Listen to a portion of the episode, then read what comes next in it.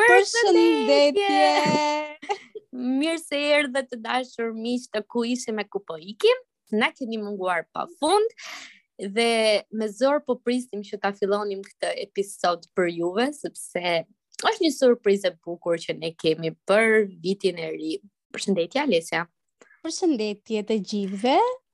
Jam shumë e lumtur që po bëjmë një episod të ri kësaj radhe, edhe më kishte munguar edhe mua shumë kjo periudhë. Por ne kemi qenë pak të zëna në fakt. Sigurisht, edhe pse ju ndoshta e keni marrë me mend nga postimet që kemi bërë në Instagram, që unë kam qenë në Shqipëri, për periudhën e Krishtlindjeve dhe kanë qenë disa ditë tepër të zëna. Dit dhe po. ne do thoja unë sepse jemi kënaqur pa fund edhe jemi munduar që ta shijonim kohën që kishim në dispozicion me njëra tjetrën sepse ne fatkeqësisht nuk shikohemi dot live kaq shpesh sa do donim, por uh, sigurisht që ne shikohemi dhe ne shkruajmë çdo ditë edhe podcasti na ka afruar akoma dhe më shumë dhe jemi shumë shumë falënderuese për këtë gjë. Por që ditët në Shqipëri ishin të mrekullueshme dhe thamë t'i shijonim ato të mblidhnim energji të reja edhe t'jua transmetonim juve në këtë episod që po regjistrojmë tani dhe të na shkojnë këto energji pastaj edhe për vitin tjetër apo jo.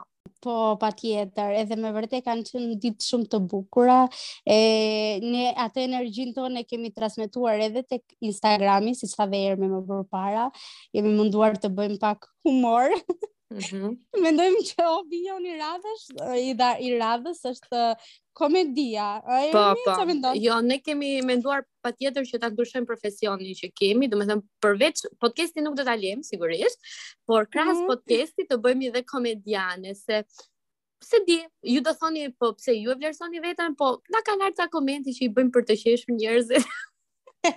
Me skenat që lëmë rrugëve. ose në jetën tonë në përgjithësi.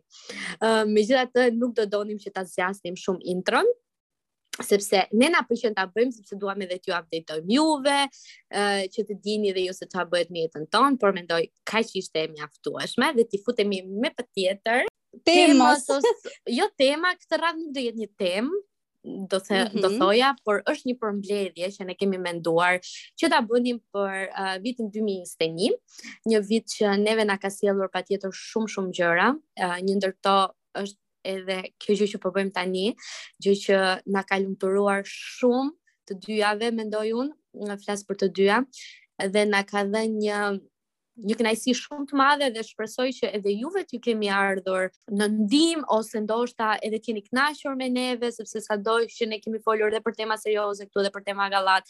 Jemi munduar të japim mesazhe që janë të vlefshme për gjithë, apo jo. Po, edhe un nuk dua të heq asnjë pikë kësaj që ti sapo the Ermi, edhe s'do ta zgjas më shumë temën, mm -hmm. por një pyetje doja ta nisja un, po, pyetja është shumë e thjeshtë, e cila ia kam bërë shumë vetave kohët e fundit, oh. nuk e di pse. E si ishte viti 2021 sipas pritshmërive tua? Na jep një kështu përmbledhje të shkurtër. Uf, unë do thoja që ka qenë i paparashikueshëm që në nisjen e vitit e deri tani në përfundim. Në qoftë se do ishte një fjalë që do e përshkruante vitin 2021 për jetën time, është seriozisht i paparashikueshëm. domethënë, ka nisur në një mënyrë shumë të keqe, sepse pata diçka personale nga fillimi i vitit, më pas nga kjo gjë personale, unë njoha shumë anë të miat, pata shumë sime përgjatë tre muajve të parë mendoj të këtij viti. Ëm uh, kam qenë shumë e zënë, patjetër me projektet që kam patur me punë. Ëm um, kam njohur njerëz të rinj, njerëz të mrekullueshëm, kam riforcuar lidhjet që ndoshta i kam krijuar në 2020-ën, edhe në këtë 2021-shin u um, solidarizuan dhe më shumë, um, flas nga ana e shoqërisë.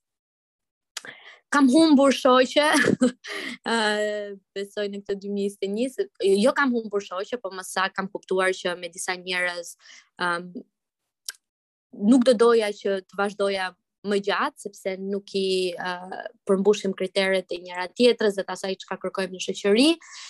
Patjetër që kam njohur veten në dimensione të ndryshme, do thoja, uh, duke qenë se sigurisht korona nisi në 2020-ën dhe vazhdoi në 2021-shin, unë këtë periudhë e kam kaluar Si mirë ashtu dhe keq, um, nuk e di, kanë kaluar shumë gjëra, kam shumë kujtime të bukura nga 2021-shi jashtëzakonisht, pata mundësinë që këtë vit edhe të udhëtoja, pak më shumë ndoshta se sa në vitin 2020. Ëm, um, uf, sa gjëra ka ndodhur edhe nga fundi i hmm. vitit pastaj që ia kalova tmerrësisht bukur me juve. Jam munduar të jem uh, produktive, jam munduar që të realizoj qëllimet që i kishta vënë vetes, edhe t'i tregova edhe pak më përpara që kisha shkruar tjetër po. të qëllimeve të mia për 2021-shin, edhe kisha vënë re që disa kisha disa pika i kisha realizuar me të vërtetë dhe m'u bë shumë qefi.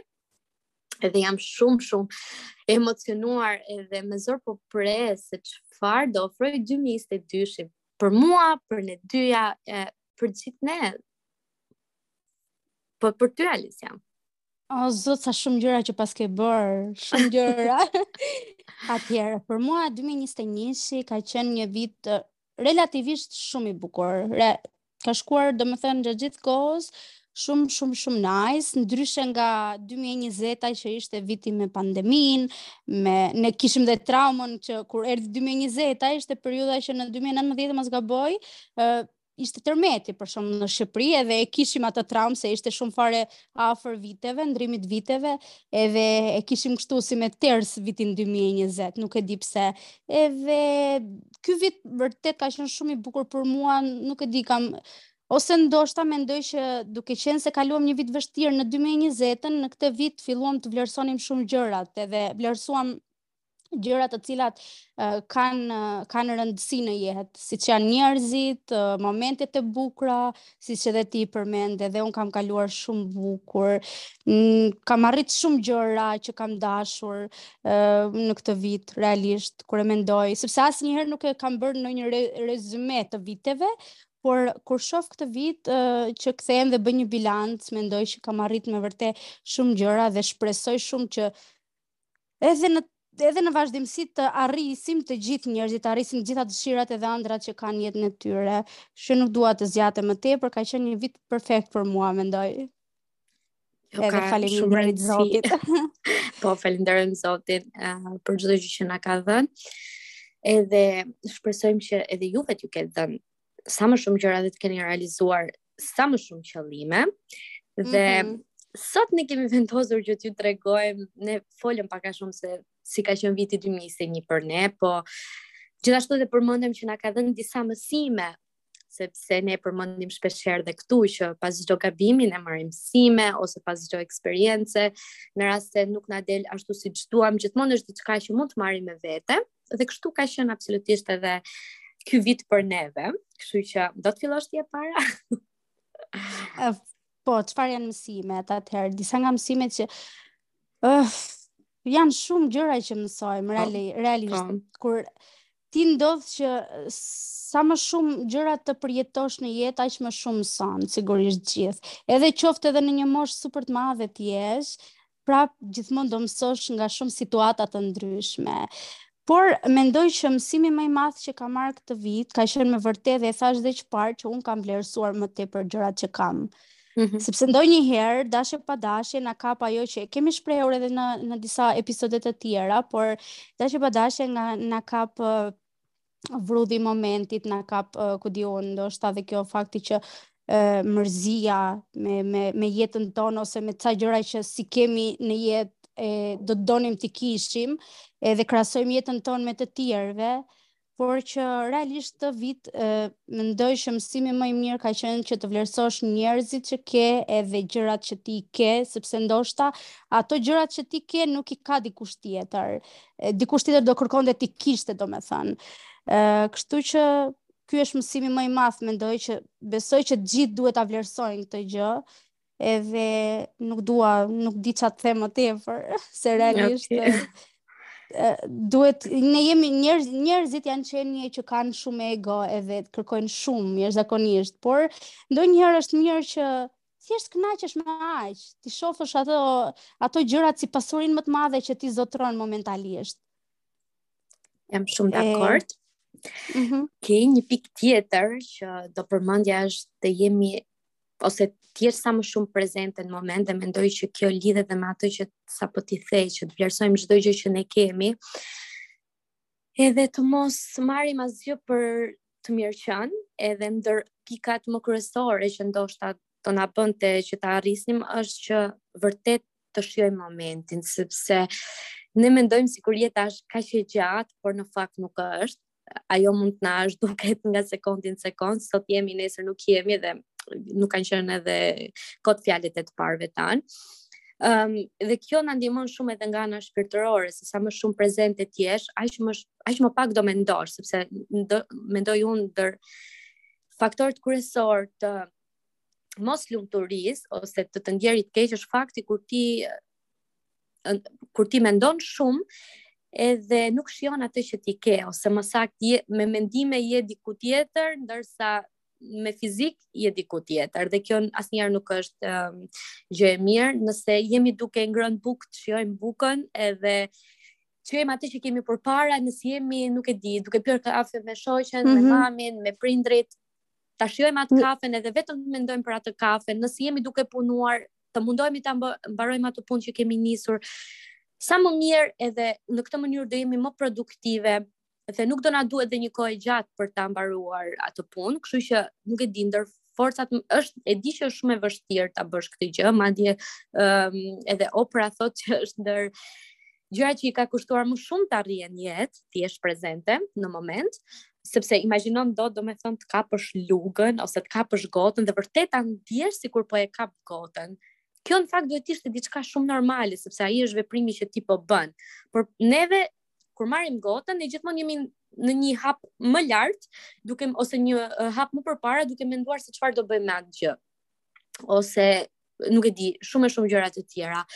Ëh, uh, por që kjo mendoj është një ndër mësimet më të mëdha që kam kam mësuar, sepse unë jam një tip që mendoj shumë, overthinker, do ta përmblidhja veten, po në vitin 2021 jam munduar që që ta minimizoj ë rrjedhën edhe rrymën e mendimeve që kam patur në kokë se e kam menduar edhe e kam parë që thjesht thjesht më ka më ka lënë domethënë keq shpirtërisht dhe nuk më ka dhënë asgjë pozitive.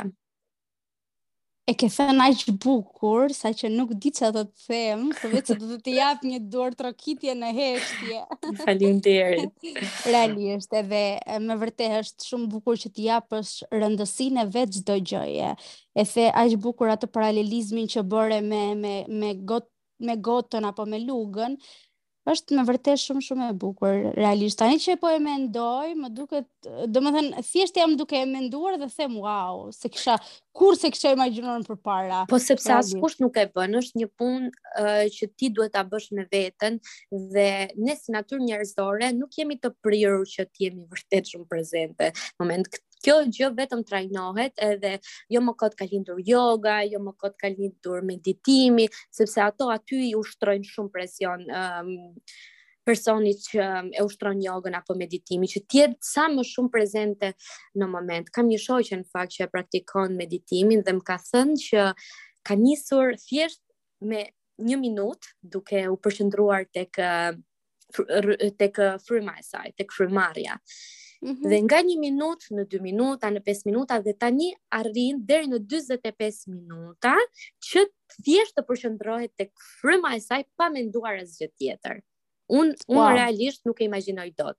E them wow. edhe, nuk e imagjinoj dot, nuk... Uh, sado që them që ok, kam mësuar të jem më shumë prezente në moment, kur e krahasoj me atë gjë që bën kjo shoqja ime, them jo, ti s'bën dot asgjë, sepse realisht është një proces shumë i vështirë, ama të ndihmon shumë në shumë aspekte të tjera të jetës. Tani ajo më thotë që është më tepër e përqendruar, i kushton um, më pak kohë gjërave për t'i mësuar, sepse të jesh prezente do të thotë që me vërtet ta thithësh atë gjë që ti po bën, po mëson, po dëgjon, po lexon, Po, ha, po, shumë e drejtë. Në një mënyrë shumë të drejtpërdrejtë edhe shumë të shpejtë. Edhe mendoj që t'ia vendosim vetes një sfidë për këtë vitin e ri. Edhe kjo realisht është ndër sfidat e mia. Po. Realisht po, edhe mua më pëlqen shumë meditimi në fakt, edhe do ta sfidoj veten për ta bërë. Po, do ta sfidojmë veten, Ermi. Po, atëherë, unë dua të ndalem...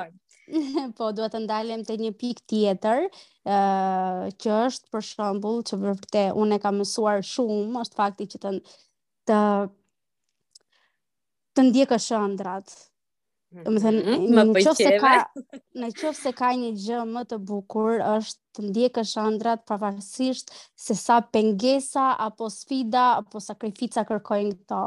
Besoj që në momentin unë e them shpesh dhe ti Ermi e di shumë mirë dhe besoj se të gjithë dëgjuesit tanë e dinë Sepse është vërtet një gjë që unë e përmend shumë shpesh, është fakti e, që në momentin që ti e do diçka shumë, shumë, shumë dhe punon për atë gjë, më besoni që një ditë vlerësoheni edhe e arrini. Kështu që në qoftë se keni një ëndërr, një dëshirë, sado e vogël të jetë, sado e vështirë të jetë, apo sado e madhe të jetë, uh, realisht jepini kohën e duhur edhe të gjithë uh, ku di unë, gjithë punën tuaj bëjeni për atë ëndërr. Edhe jam e sigurt që kënaqësinë më të madhe njeriu e merr nga këto gjëra, nga këto nga këto arritje për shembull kur arrin një një dëshirë apo një mom, një moment të caktuar, nuk e di, ëndrrat nuk janë gjithmonë ku di unë materialiste, ke parasysh për shembull, në qoftë se kishte diçka që unë kisha të bëja në 2021-shin që e kam arritur një ëndërr e imja, ka qenë fakti që të bleja një makinë dhe e bleva. Kështu që nuk janë gjithmonë kështu këto, mund të kesh ëndrra më nga më të ndryshmet, thjesht jepini um, kohën e duhur edhe sigurisht që duhet të punojmë shumë fort. Domethënë, në qoftë se ka diçka e cila e, po kaloj dhe në një pikë tjetër tani që e kam mësuar vërtet është uh, fakti që me punë arrihet çdo gjë realisht. Edhe pa u lodhur, siç i themi në një shprehje, nuk merr benefite. Kështu që ndiqini ëndrrat, punoni për to, duajini ëndrrat e tuaja edhe besoj që në një moment do t'i arrini, jam shumë e sigurt për këtë.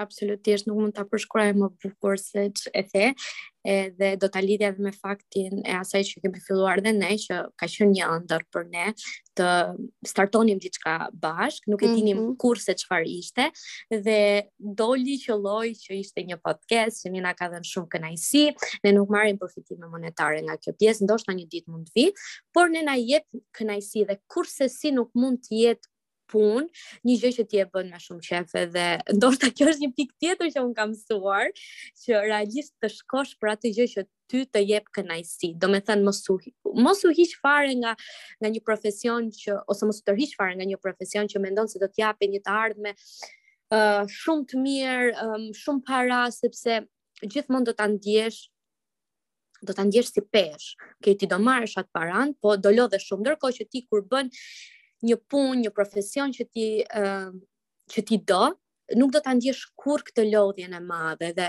atë lek që do ta marrësh do të shijojë dy tre fish. Sepse fundja ne themi shpeshherë Alisa që nuk është gjithmonë uh, vetëm paraja ajo që të mbush, edhe realisht nuk është, sepse um, kanë kanë të tjera dhe ti e the shumë mirë që ëndrrat nuk mund të jenë vetëm um, materiale, për shembull një ndër ëndrrat që kam pasur unë për këtë vit ka qenë realisht të gjeja paqe me veten, gjeja një um, një qetësi shpirtërore, uh, t'arrija domethënë që kisha një lumturi të brendshme, që ndoshta nuk nuk do vinte fare as nga një person tjetër, as nga një lidhje, as nga një shoqëri, thjesht unë me veten time t'isha shumë e lumtur. Domethënë, të pranoja mendimet e mia, të të pranoja defekte, të pranoja edhe të vlerësoja ato që unë arrij ditë për ditë. Dhe këtë mendoj që ia kam arritur në njëfarë mase, por sigurisht që do punoj më fort edhe kjo nuk ka qenë një ëndërr materiale. kjo ka qenë thjesht një ëndërr shpirtërore që kam patur me veten. Kështu që uh, nëse është një këshillë që ne jua japim patjetër është që të ndjekni të ndiqni ëndrrat sepse gjithmonë do t'ju çojnë në drejtimin e duhur dhe më besoni që kur keni një ëndërr, sado dyer t'ju mbyllen, do hapet patjetër një dritare sado e vogël, dhe nga ajo, nga ajo dritare do gjeni shumë mundësi. Ndërkohë që kur ke diçka që ndoshta nuk e ke me dëshirën tënde, uh, kur të mbyllet një derë, Ok, ndoshta s'do mundohesh fare për ta bërë, ndërkohë që ëndrra është diçka më e fortë edhe mos pranoni kurrë një jo, sepse vetëm ju e dini, um, vetëm ju e dini se çfarë doni, edhe unë kam një shprehje, madje moton e jetës time që them ajo ëndërr është në zemrën tënde për diçka. Nuk është mm -hmm. kot. Patjetër, patjetër, shumë e drejtë. Një pikë tjetër që doja të përmendja Jermi është t'i japësh vetes mundësi të reja, si mendon ti. Sa e bukur që është, realisht. Mendoj që në çdo moment ne... Ka raste që njeriu e, e ngut veten ndoshta se nuk e di a po gjej fjalën e duhur, por që e ndrydh, e ndrydh veten mm -hmm. në mhm. shumë në shumë gjëra dhe ngec ndonjëherë ngec në një moment të caktuar të jetës së vet. Po them edhe në një moment të, të normalisht ngec në një moment të trishtë. Kështu që është mirë që momentet e trishta t'i lini pas dhe t'i jepni vetes mundësi të reja, qofshin ato mundësi për të njohur një person, qofshin mundësi për të bërë një punë të re, qofshin mundësi për të hapur diçka tuajën, Çdo lloj gjëje duhet ta shfrytëzoni dhe duhet të jepni maksimumin tuaj. Kështu që mundësive të reja kurrë mos e mos u mbyllni derën. Edhe në rast se mendoni që keni bërë më fal që të ndërpres, ndoshta do e vazhdoje fjalinë më mirë. S'ka problem, jo s'ka problem, vazhdo. Jo, thjesht doja të thoja që ashtu është vërtet, sepse Edhe në rast se keni mbaruar një shkollë, le të marrim këtë shembull dhe ju mendoni që patjetër duhet ta gjeni një punë aty në profesion, ndryshe nuk uh, keni realizuar qëllimin e madh që i kishit vendosur vetes. Por ndërkohë keni një mundësi diku tjetër.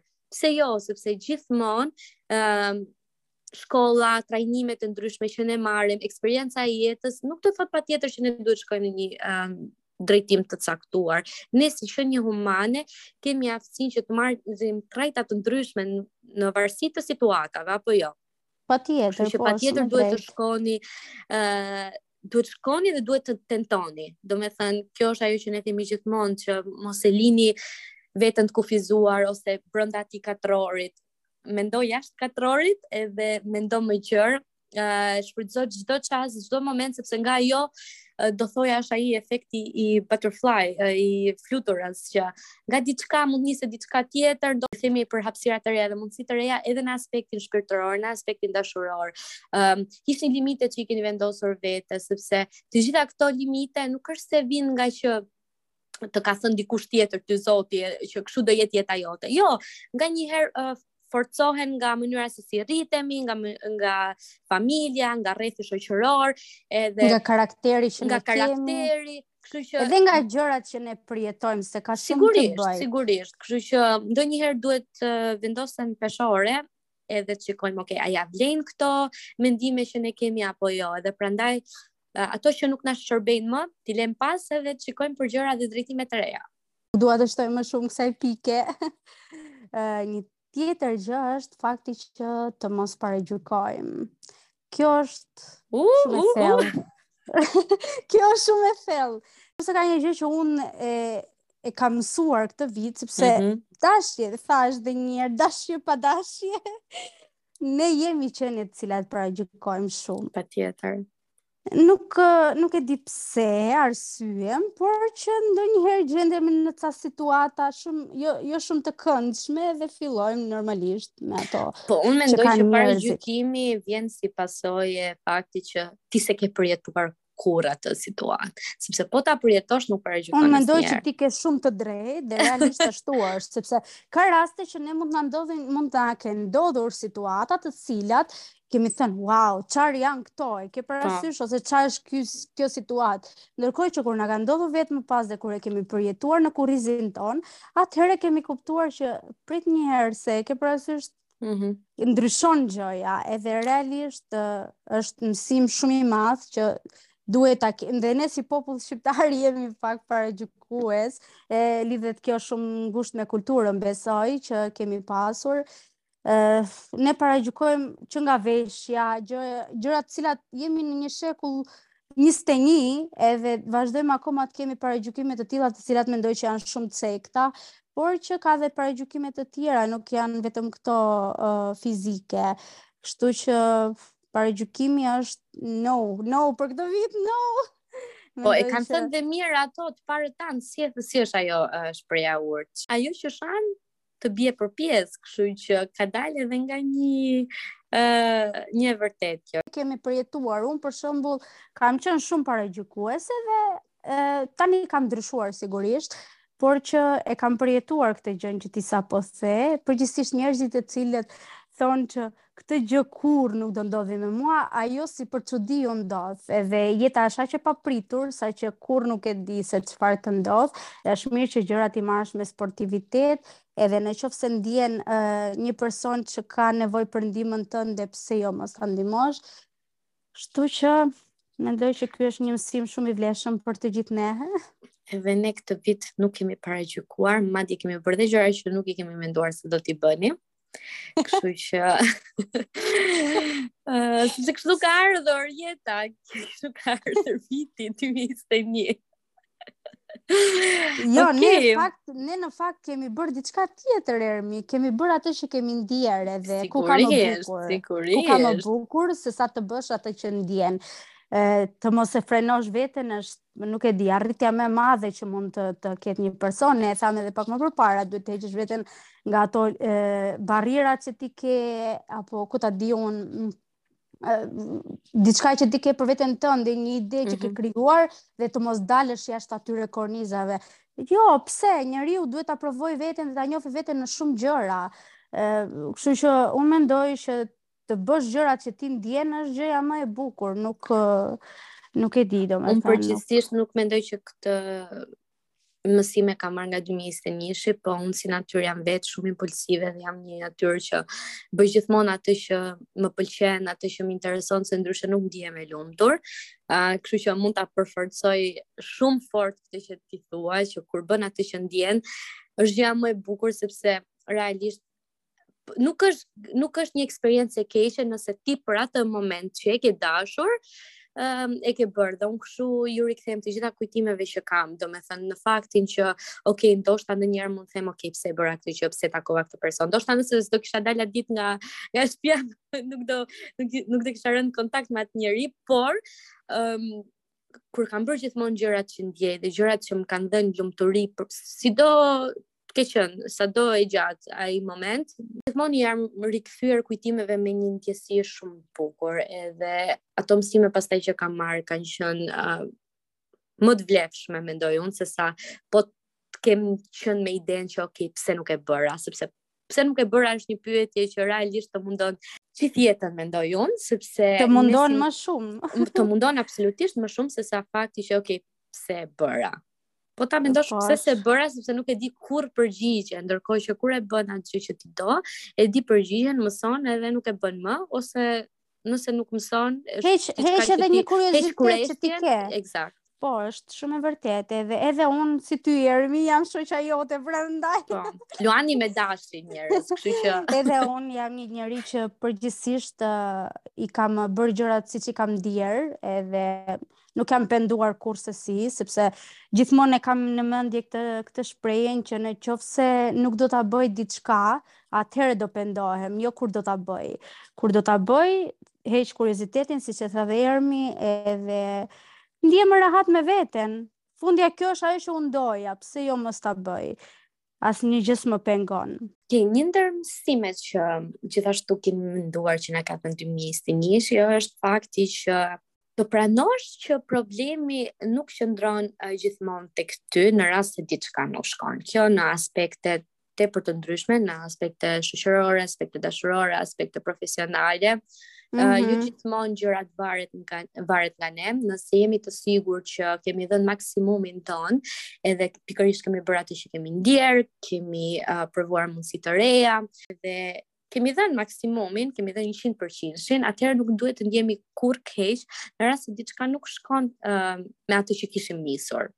dhe mendoj që vërtet ka qenë um, ndër mësimet që më është dashur t'ia jap vetes me kështu me ngulm se uh, nuk është diçka e thjeshtë. Um, këtu në këtë sfidë jemi së bashku, në rast se ka edhe të tjerë um, nga ju dëgjues që po ashtu ndihen të tillë.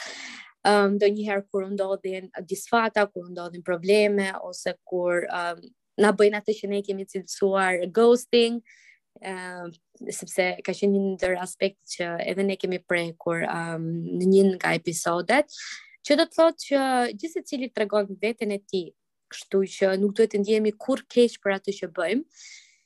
Edhe, Shumë e drejtë, edhe asnjëherë fajtor. Asnjëherë fajtor.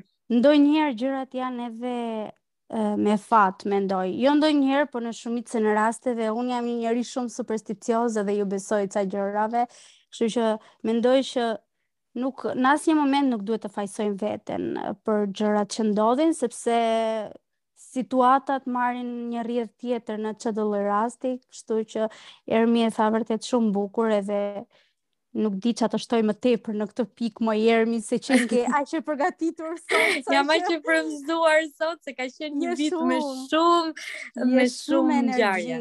Edhe jam shumë e kënaqur realisht. Un ndryshe nga ty nuk kam kaq shumë energji sepse sapo kam ardhur nga puna në fakt edhe nuk ka jam problem, pak e lodhur. Ne kuptojmë jam shumë mirë. Jam pak e lodhur, por që e, është me vërtet një mësim shumë i mirë, siç e the edhe ti se Ndonjëherë mërzitemi për gjëra të kota, për shembull mund të na ndodhë në rastin e punës kjo që ku di unë ti mund të japësh maksimumin tënd dhe seç ndodh diçka e çuditshme, mm -hmm. që prapë ti nuk vlerësohesh, por no, nuk është faji yt. Janë gjëra jo, të cilat nuk funksionojnë, sepse e, ka njerëz të tjerë, kështu që jo çdo gjë varet nga ti fundja. Edhe ji i qetë në momentin që ti ke dhënë më të mirën tënde, nuk ka asnjë lloj gjëje, nuk ka asnjë lloj problemi. Nuk... Unë jam gjithmonë me atë idenë që um, edhe realisht më është vërtetuar shumicën e rasteve që çdo gjë që të bësh do të të kthehet mbrapsht. Kështu që në mos në atë uh, gjë që ti e ke dhënë dhe nuk t'u kthye mbrapsht në diçka tjetër do të kthehet 100 fish. Kështu që për këtë gjë um, mos ta dyshoni asnjëherë, domethënë jepni atë që ju keni për të dhënë, atë që mendoni që është më e mira. Edhe siç e them, nuk është problemi tek ty, por tek rrethanat, pastaj gjithmonë është diçka pse diçka nuk funksionon.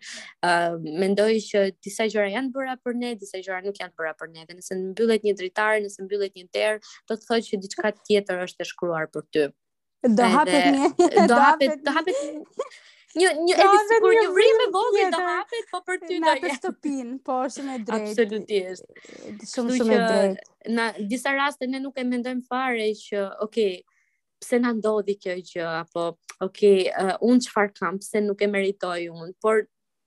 unë e kam thënë shpesh herë këtë gjë që më ka ndodhur disa situata në jetë ku kam thënë pse unë e kam merituar dhe në fakt më mirë që s'më ka ndodhur sepse uh, jeta ime mori një rrjedhë tjetër dhe deri tani jam e lumtur me atë që kam arritur. Është shumë e drejtë dhe vërtet është që çdo gjë ndodh për një arsye. Edhe un uh, un kshu përpiqem gjithmonë në jetë përpiqem që që t'i shoh më të mirën gjësë realisht, domethënë Edhe në rast se është diçka që unë mendoj se e dua shumë fort, ose e dua shumë fort në këto momente që ne po flasim, dhe kjo gjëja nuk funksionon, atëherë unë mendoj që është ka një arsye shumë të fortë pse kjo gjëja nuk funksionon. Kështu që nuk di ça të them më tepër. Një tjetër mësim që unë doja të përmendja patjetër është fakti që Të jesh sa më shumë pozitiv. Nuk oh, e di dhe unë dua ta mbyll. Ok, unë me këtë dua ta mbyll për veten time për mësimet, sepse nuk di ça të shtoj më tepër, besoj që gjërat më më kryesore i kemi thënë, uh, por që të jesh pozitiviteti, energjia edhe çdo gjë, nuk e di, që ne na karakterizon është është mësimi më i mirë që mund të marrim realisht edhe në qoftë se ka një gjë që duhet të bëjmë është të jemi sa më shumë pozitiv, sepse e para e punës ty të bën të ndihesh vetë mirë realisht. Nuk e di nëse dikush nga ju e ka provuar, por unë e kam ndier faktin që kur je negativ dhe kur je pozitiv, ndonjëherë gjërat e ke parasysh kur është ajo shprehja erm nuk e di a e ke hasur, që duhet ta shofësh botën në këndvështrimin tënd.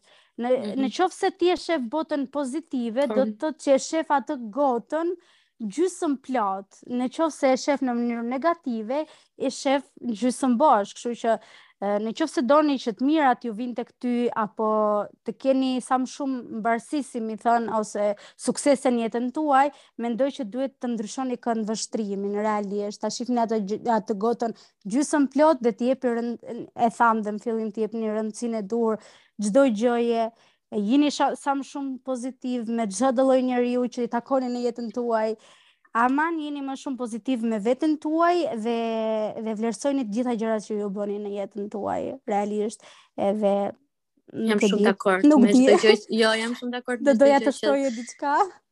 Jam dakord me çdo gjë që ti the, sepse si ta shikosh botën, ashtu do jetë dhe jeta jote, domethënë nëse do ta shikosh me ngjyra gjithmonë do gjesh um, anët e mira edhe do kesh motivim për të vazhduar jetën tënde në një mënyrë më pozitive, sepse kur je negative, nuk arrin të shikosh edhe shanset që ndoshta mund të jenë shumë afër teje, edhe do ishte vërtet gjynah nëse do t'i hidhje poshtë, thjesht nga fakti që um, që je mërzitur, që që ndodhesh në një periudhë të errët në jetën tënde, unë sigurisht që nuk mund ta hedh poshtë faktin që gjithëve na kalon të kemi ëm um, ditë të këqija, ditë ku nuk ndihemi mirë, ku ndoshta mund të kemi përjetuar diçka që vërtet nuk e prisnim dhe është mirë që edhe këtë gjë ta ta shprehim, ta qajm, si me thënë, ta nxjerrim jashtë, por pasi ta mbyllim atë ritualin ku i themi mirupafshim asaj gjësë negative të keqe që na ka uh, ndodhur, atëherë gjithmonë duhet shikosh anën pozitive sepse gjithmonë është aty. Realisht gjithmonë është aty, edhe nëse nuk edhe nëse ju duket sikur nuk është, gjithmonë do vijë diçka pozitive, si thuhet uh, edhe ajo shprehja që gjithmonë pas shiut uh, del dielli, del dielli edhe vërtet ashtu është, edhe, edhe në shi madje do shikoni edhe ylberin ndonjëherë, kështu që këto janë edhe shanset uh, pozitive do shtoja unë që mund t'i keni gjatë asaj periudhe um, së keqe, se nuk mendoj që një njeri do të jetë negativ, realisht janë të rrallë persona që uh, duan të jenë ashtu, por thjesht uh, është një punë që duhet ta bësh me veten, sepse që nuk do ekzistonte edhe depresioni, nuk do ekzistonin shumë sëmundje tjera mendore, nëse do ishte kaq e thjeshtë që uh, njeriu uh, si me thën si me switch shkonte nga një gjendje pozitive, nga një gjendje negative në një gjendje pozitive. Kjo nuk është e mundur, duhet punë me vete. Uh, dhe për këtë gjë do do ju këshilloja që gjatë gjithë kohës ta keni mendjen aty, domethënë t'ia thoni vetes sa më shumë dhe sa më shpesh që ka diçka pozitive, ka diçka të mirë, derisa pastaj ajo të të bëhet një rutinë, sepse ta trajnosh veten ashtu si për gjëra të tjera në jetën tënde. Um, duhet ta bindësh veten, duhet ta bindësh veten, absolutisht. Që, po që duhet të jemi sa më shumë pozitiv realisht dhe unë mendoj shumë. që që ne kemi arritur këtë gjë këtë vit.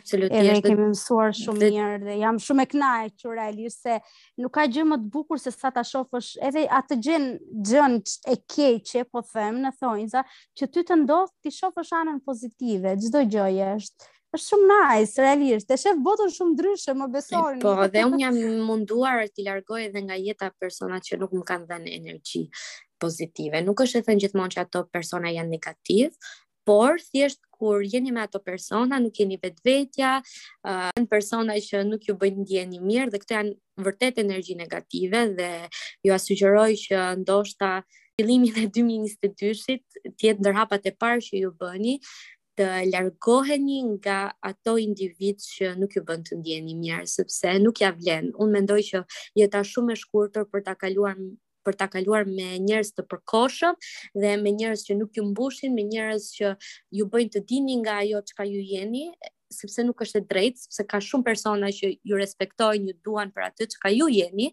pa ndryshuar fare, edhe seriozisht prandaj ju thash që un kam shkëputur nga jeta ime persona që ndoshta nuk i kam dashur dhe nuk më kanë shërbyer më për rritjen time uh, sepse ne rritemi gjatë gjithë kohës, edhe pse nuk e vëmë re. Ndoshta jo nga gjatësia, po nga mendimet, nga ndjenjat, rritemi, jemi në një proces zhvillimi gjatë gjithë kohës. Edhe kjo mendoj që ka qenë që... mesazhi më i bukur që do jepnim. Dhe mendoj që ty Jemi do ta japim një sfidë këtë vit. Çfarë sfide të lutem? Të bësh, të bësh këtë që ti sapo the, Se ne shpesh e kemi diskutuar, kjo është një sekret i vogël që un po e po. nxjerr tani. Moj ti. Moj ti. Atëherë, ne shpesh diskutojmë që mm, kemi disa njerëz të cilat të cilët i ndjekim në rrjetet sociale tona, por po. këto njerëz nuk na japin okay, energji shumë negative, shumë, shumë pozitive. Kështu që unë ja ja permit këtë sfidë dhe nuk është fare as turp as zor që t'i heqësh këto njerëz nga vetja sepse fundja ty s'të bëjnë të ndihen të ndihesh mirë, nuk të japin asnjë lloj energjie pozitive, kështu që për çfarë mund t'i duash dhe realisht Nga respekti. Jo, s'ka lidhje. Ti mund të kesh okay. shumë respekt, por në momentin që nuk të përcjellin një ndjenjë apo një një energji të mirë, nuk ke pse i do sepse është e kotë, është realisht e kotë dhe ne luftojmë për këtë gjë ti sapo e the, e the dhe shumë bukur madje që duhet me të vërtetë që ca gjëra t'i marrim vetë në dorën tonë edhe mm, të veprojmë, kaq, shumë e thjeshtë. Shumë e vërtetë. Kështu që shumë e vërtetë. Sfida jote okay. dini një këtë do ta bëj unë fakt. Jo, në fakt unë e kam bërë për shembull me rrjetet sociale realisht e kam pastruar edhe jam ndjerë shumë mirë për shembull kur nuk kam bërë më follow um, accounts që nuk më kanë dhënë pozitivitet, që edhe unë e kam mbushur me Instagramin në fakt me gjëra që më bëjnë të ndihem mirë kur i shikoj dhe këtë do ia sugjeroja edhe juve që ta bëni, por ndoshta për njerëzit që po flisni Alisa e kam me faktin që unë mbaj persona që ok, ndoshta i kam patur në shkollë, ndoshta persona që unë i kam takuar thjesht një herë, po realisht më kanë dhënë uh, nuk e di, kam patur një muhabet të mirë për ato kohë që kam patur, por unë jam e sigurt që ndoshta nuk do t'i shikoj më kurrë. Edhe, ok, këtë do ta mendoj më mirë, edhe mbase do ta bëj në 2022-shin. Po, a ke ndonjë mhm. këshillë tjetër ose ndonjë ritual që ke ti për të mbyllur vitin edhe për ose edhe për ta nisur vitin e ri? Nuk e di, jo nuk kam një diçka të caktuar, por kam disa mm, disa qëllime do thoja për vitin e ri, sigurisht që nuk do t'i them se është mirë mm -hmm. që gjërat që ti ke ëndrrat e tua t'i mbash të fshehta. Mm -hmm. Sepse është më mirë, nuk e di, kështu e mendoj se ndonjëherë njerëzit kur kur ëndrrat e tua nuk realizohen, pastaj të kap ajo pjesa që Obobo, pse s'e realizova këtë dhe diku dhe ti je përgjegjëse ndaj kësaj ëndrre, kupton? Ke një përgjegjësi shumë të madhe. Që është mirë që ato ëndrra unë t'i mbaj me veten time dhe kam disa qëllime dhe shpresoj shumë që të punoj sa më shumë fort edhe t'i arrij, por um, nuk kam diçka tjetër, nuk e di nëse ti ke për të shtuar. Uh, për të mbyllur vitin, unë do thoja që gjithmonë pastroj shpinë. Okay. Pastroj heq heq zhulurat, bëj shaka se atë bëj gjithmonë, por uh, jo, e kam fjalën që pastroj gjithmonë këto gjërat që nuk më kanë shërbyer më, që i kam parë që nuk uh, që nuk i kam përdorur, edhe unë marr një kënaqësi shumë të madhe kur her, kur hedh gjëra poshtë ose kur i dhuroj ose kur nuk e di çoj tek uh, ai koshi i riciklimit. Ë uh, këtë gjë kam bërë, edhe bëj gjithmonë uh, në fund vit, mundohem që të pastroj chatet e WhatsAppit këto gjërat. Oh, mundohem wow. mundohem uh, mundohem të të dhuroj ose t'ju shkruaj njerëzve që me të vërtetë më kanë ndihmuar edhe më kanë dhënë um, më kanë dhënë kënaqësi shpirtërore, um, gjithmonë që t'ju dërgoj një mesazh falënderues në fund vitit ose thjesht nuk e di, t'i përshëndes. Një urim, një urim. Një po. urim, absolutisht. Ëm um, edhe mundohem të jem shumë falënderuese në fund vitit duke parë se çfarë kam arritur, qoftë edhe ato gjërat më të vogla që unë ndoshta i harroj, si unë ashtu ndoshta dhe juve, ato arritjet ditore do thoja unë, se ato arritjet e mëdhaja ok, uh, mbahen mend. Um, dhe uh, kam filluar vjet, siç të tregova në mhm. fillim, që shkruajta te letra për gjërat që doja të arrija në vitin 2021, edhe besoj që do ta bëj edhe për këtë vit. për qëllime të ndryshme, qoftë vogla, qoftë mëdha, ë që dua t'i arrij në 2022 dhe jua sugjeroj vërtet se është shumë gallatë do thoja unë, të shikosh se çfarë ke menduar ti dhe se si ka qenë rrjedha e vitit për për ty. Kështu që mendoj që duhet ta bëjë secili. Do e pështjales jam. Po, unë edhe unë kam futur, e kam futur diku. Unë e kam futur uh -huh. diku në fakt, kisha shkruajtur në një fletë A4 dhe i kisha futur diku në një sirtar edhe kisha premtuar që nuk do ta prekja me dorë derisa të vinte fund vitit dhe sot e hapa, mëdi e hapa bashkë me ty. Po, shumë e drejtë dhe unë i dëgjova edhe shumicën e po. gjërave i kisha arritur, po vërtet është shumë interesante. Por dhe unë e kam shkruajtur, sepse tani realisht më erdhi në mend që unë e kam shkruajtur, po unë e kam shkruajtur në notes, dhe i kam vendosur disa qëllime që do t'i arrija në 2021-shin, dhe në momentin që unë i arrija këto qëllime, i fshija. Mm -hmm. ah, që që po realisht nuk besoj, nuk besoj që i kam të ruajtura, gjithsesi unë po e bëj një kërkim të vogël te mm -hmm. notes, sepse kam shumë aty, Jo, nuk e kam. Kam vetëm një gjë që dua ta arrij për vitin e ardhshëm, që okay. s'e kam arritur këtë vit. Kështu që janë gjërat gjëra minimaliste, jo domosdoshmërisht janë gjëra të mëdhaja. Kështu që pastaj të shira të fala një kam fshirë dhe kam harruar tani. Edhe shprehni atë që doni se kërkojini babagjyshit shumë në një mënyrë apo në një tjetër realisht mund të ndodhin kështu që s'do të jemi asnjëherë negativ gjithmonë pozitiv siç e thamë po edhe madje mbaj mend një periudhë që kam kur ka pas qenë një periudhë nuk e di mbaj mend se kur ka qenë para 2 vitesh mos gaboj kam pas lexuar librin sekreti dhe ai më dha një super motivim në ato momente edhe isha kështu wow dhe në Në atë libër, në një pjesë shkruhet që duhet të shkruash gjërat që ti do të bësh.